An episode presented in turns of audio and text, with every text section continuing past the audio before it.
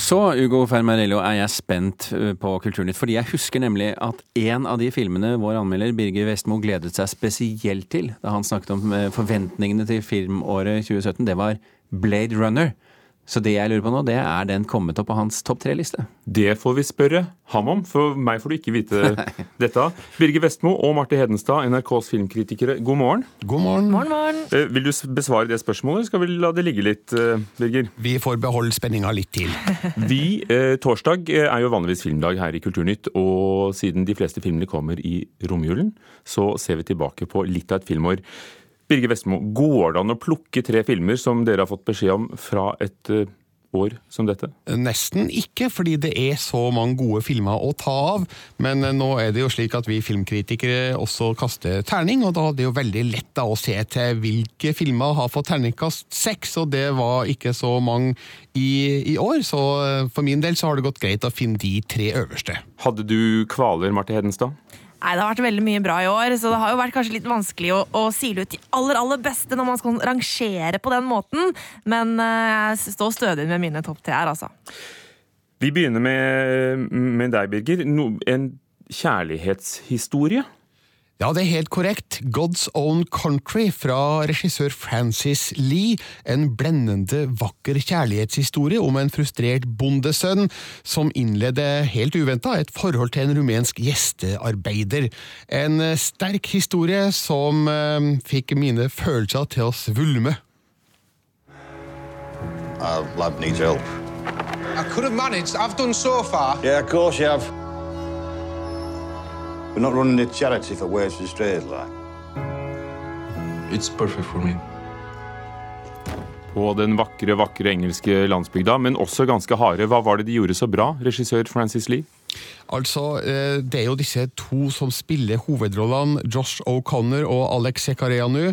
Eh, De eh, har da en rivende utvikling fra filmens begynnelse, spesielt da denne bondesønnen som starter som en veldig hard og barsk figur, og ender opp på et helt annet sted.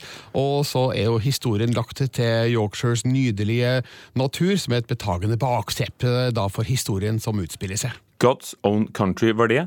Dette er derimot Martes tredjeplass.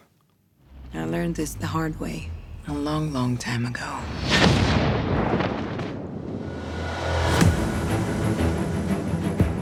What is your mission? To stop the war. What war? Superheltfilm, Marte Hedenstad. Ja, eh, og som superheltfan så har jeg liksom vært sultefora i årevis på en skikkelig god kvinnelig superhelt eh, på kinnelerretet, og Wonder Woman, eh, det gjorde liksom toppen for meg. En av de aller beste kinoopplevelsene for meg i år. Um, for eh, kvinnelige superhelter har jo liksom hatt et litt sånn dårlig rykte på seg, men, um, men nå så beviste regissør Patty Jenkins at det går an å, å få det til. Og um, Gal Gadot, som spiller Wonder Woman, hun, hun har en evne til å være skikkelig beintøff, samtidig som hun har den varmen over seg. Og uh, Wonder Woman er en film som har veldig mye Den er laga med kjærlighet, da, eh, og den mangler det derre mannlige blikket som eh, superhelt, kvinnelige superhelter ofte har fått på seg. Eh, Og det gjør at Wonder Woman altså, ja, Som, som dame sjøl så var det stor stas å se den filmen her. Birger Vestmos andreplass er eh, Ja, det, er det den siste filmen til en regissørlegende? Vel, han indikerte i hvert fall da filmen hadde premiere på filmfestivalen i Berlin, men eh, senere så har han vel besinna seg og sagt at eh, vel, det kommer nok noe mer, og jeg snakker da om Aki Kaurismäkis Den andre siden av håpet. Oi motsi motsi. I want to seek asylum in Finland. Seeking is no problem. You are not the first one. خالد من سوريا مصدق من العراق. Det er jo en egen tone i filmene til Kaurismäki. Ja, definitivt. Han har jo en sånn kjølig form for humor, og eh, han har en sånn særegen lun atmosfære. og ikke minst da, så ser man også i den andre siden av håpet at eh, du har et sånn karakteristisk underspill som, som preger da et rikt og besynderlig persongalleri.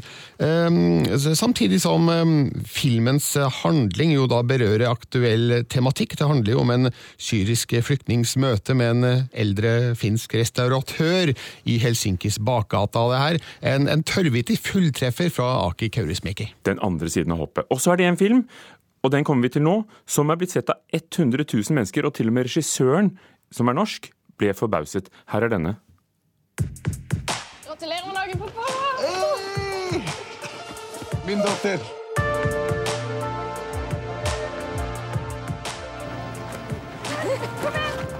Hvor skal du? Jeg må stikke nå, jeg. Marte Hedenstad, hva vil folk si? Yes, Iram Haks eh, film, eh, som jeg skjønner godt at 100 000 har gått for å se. Den beste norske filmen i år, spør du meg.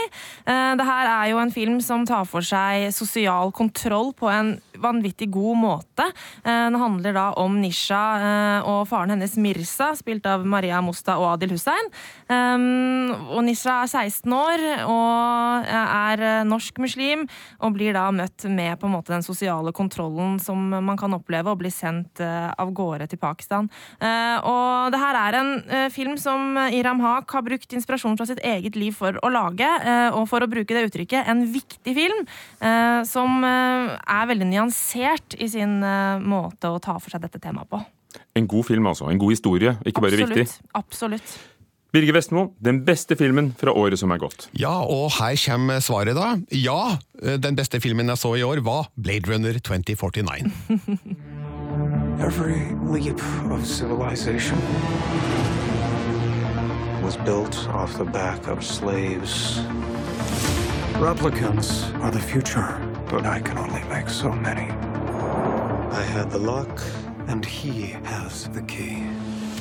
Majestetisk, sa du da den kom? Ja, absolutt. Det her er mektig og majestetisk eh, science fiction. Eh, storslagen og stilsikker, men, men samtidig overraskende nær og personlig. Det, det er voksen sci-fi det her, som maner til ettertanke, eh, og samtidig sånn at vi blir tatt med inn i et besnærende og mørkt og dystopisk univers. Så det var deilig å se at regissør Denis Villeneuve matcha mine forventninger. Blade Runner 2049.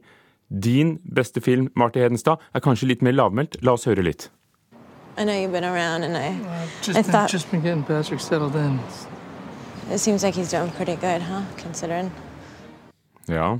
Manchester by the Sea, et strålende drama som tar på seg sorg på en utrolig realistisk og fin og nyansert måte. Casey Affleck spiller strålende i rollen som onkelen til en sønn som har mista faren sin. Den vant han Oscar for, og det fortjener han virkelig.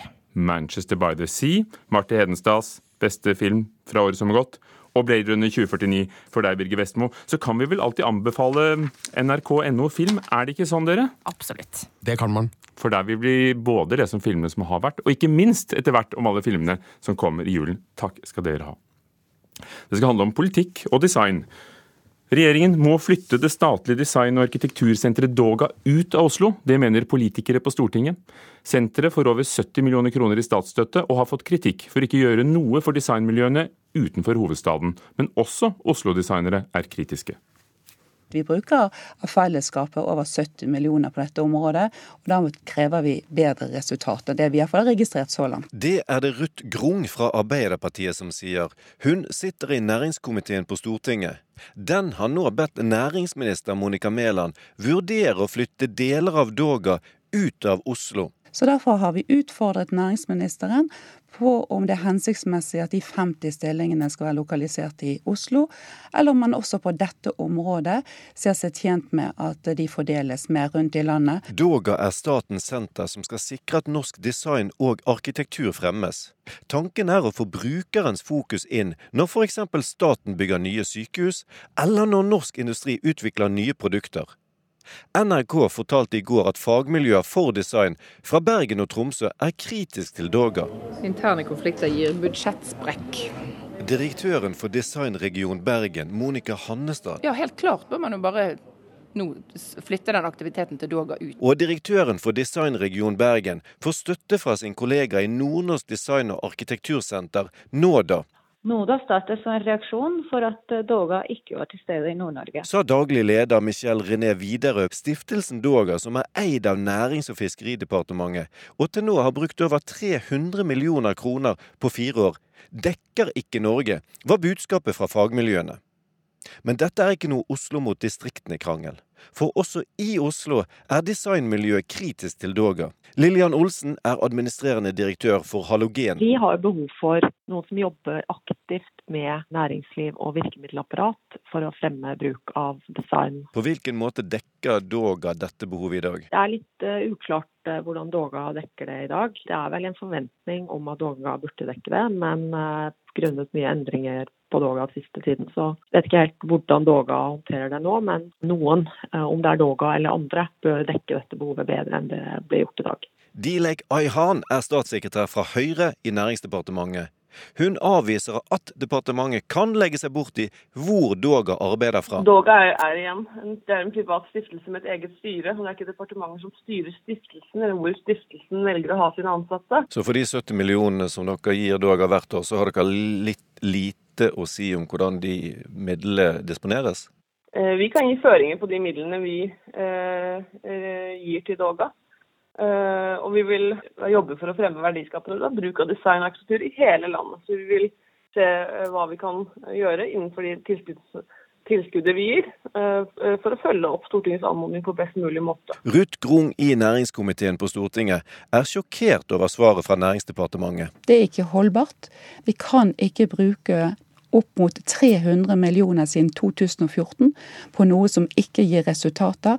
Her har vi hatt muligheten til å skaffe nye arbeidsplasser, ny design og ny arkitektur i hele landet, i alle bransjer. Og så ser vi at statsråden ikke handler. Og reporter her var Mikael Olsen Lerøen. Antall nynorskelever i Bergen er mer enn halvert i løpet av ti år. I går var det den aller siste juleavslutningen på Haugland skole i Arna, der 71 av de 550 nynorskelevene går. og Denne skolen blir lagt ned til sommeren.